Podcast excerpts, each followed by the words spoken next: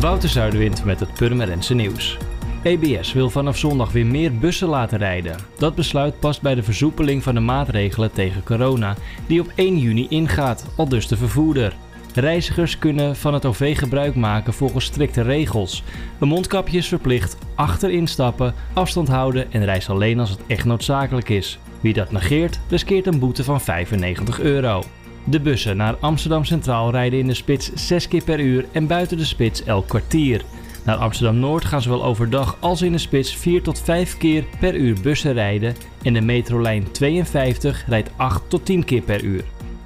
Een verdachte van een diefstal is gistermiddag rond 4 uur op de Henry Dunantstraat in Purmerend aangehouden door meerdere agenten. Wat en waar de diefstal plaats heeft gevonden is niet bekend. Eerder werd een burgernetactie gestart waarin werd gevraagd uit te kijken naar een verdachte van ongeveer 18 jaar oud in de omgeving van de dubbele buurt in het centrum van Purmerend. En vanaf aanstaande dinsdag is de studiezaal van het Waterlands Archief weer geopend voor publiek.